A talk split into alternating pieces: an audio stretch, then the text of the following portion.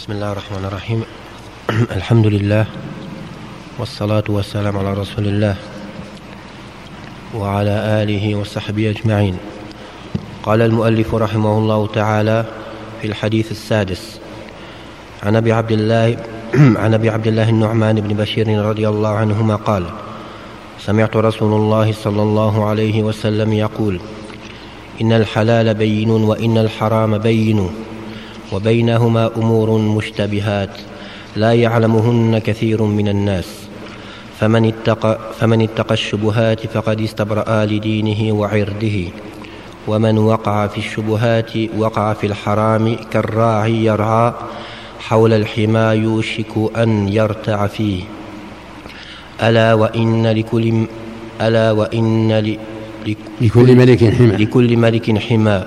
ألا وإن حمى الله محار محا محارمه. محارمه. ألا وإن في الجسد مضغة.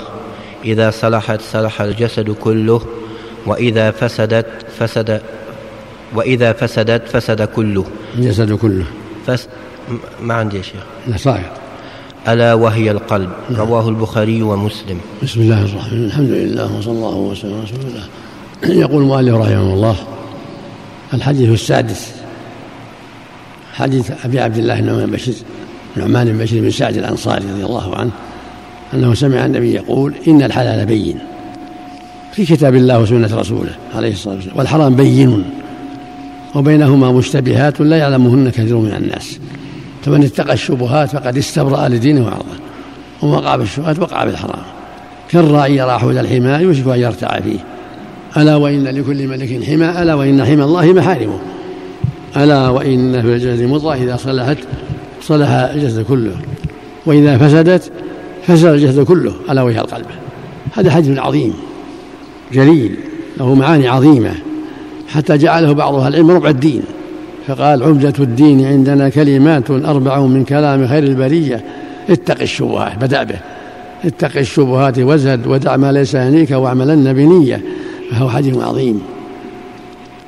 يقول صلى الله عليه وسلم إن الحلال بين والحرام بين قد بينه الله. بين الحلال وبين الحرام.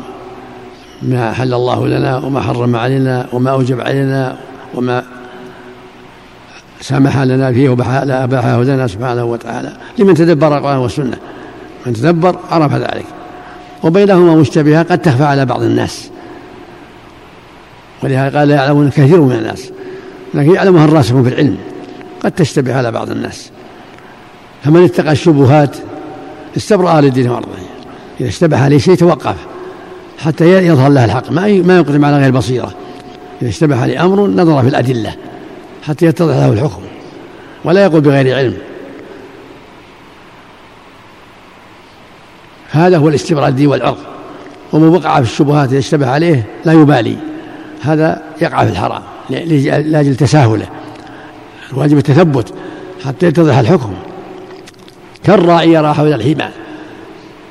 مثل اللي مع غنم أو إبل يرعى حول الزروع زروع الناس. هذا يوشك أن تقع رعيته في الحمى. إذا نعس أو غفل وقعت في الحمى وأكل زروع الناس. لكن إذا كان بعيد لو يغفل أو ينام أمده ينتبه ما, ما وصلت زروع الناس. كالراعي يرى حول الحمى يوشك أن يقع فيه أن يقرب أن يقع فيه. فالواجب على المؤمن أن يتقي الشبهات وأن يحذر ويتبصر وإذا أشكل عليه شيء لا يعجل حتى يسأل أهل العلم أو ينظر للأدلة. ألا وإن لكل ملك حمى. الملوك يضعون حمى قد يكون جائز وقد يكون ممنوع. والحمى الجائز الحمى لإبل المسلمين إبل الجهاد إبل الصدقة كما فعله النبي صلى الله عليه وسلم. أما حمى يضر الناس لا يجوز. ألا لو ألا وإن حمى الله محارمه. حمى الله في هذه الدنيا محارمه. يجب يجب الحذر منها كالزنا والسرقة والربا وغير هذا ما حرم الله. هذه محارم الله.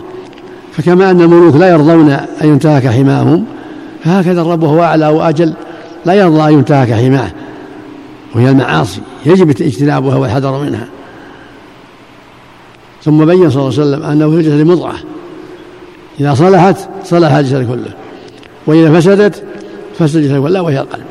هذا القلب المضغة هذه متى صلحت واستقامت على خوف الله والإخلاص لله ومحبة الله استقامت الجوارح وأدى العبد فرائض الله واتقى محارم الله. ومتى خبث قلبه تساهل. ركب المعاصي وربما وقع في الشرك لعدم مبالاته. هذا القلب هو أساس الصلاح متى أمره الله بالتقوى والإخلاص استقام الإنسان. ومتى كان القلب خبيثا معمورا بالشرك والمعاصي انقاد للشر. ولهذا قال ألا وإن نجم الله إذا صلحت صلح الجسد كله. وإذا فسدت فسد الجسد لا وهي القلب. هذا القلب هو أساس الصلاح والفساد. فالواجب عليك يا عبد الله أن تعتني بقلبك تسأل ربك التوفيق. تقول يا مقلب القلوب ثبت قلبي على دين كان من دعاء النبي صلى الله عليه وسلم يا مقلب القلوب ثبت قلبي على دين وهو أفضل الخلق يدعو بهذا الدعاء. اللهم يا مقلب القلوب ثبت قلبي على دين ويا مصرف القلوب صرف قلبي على طاعتك. يسأل ربه التوفيق والثبات على الدين. هذا القلب يتقلب.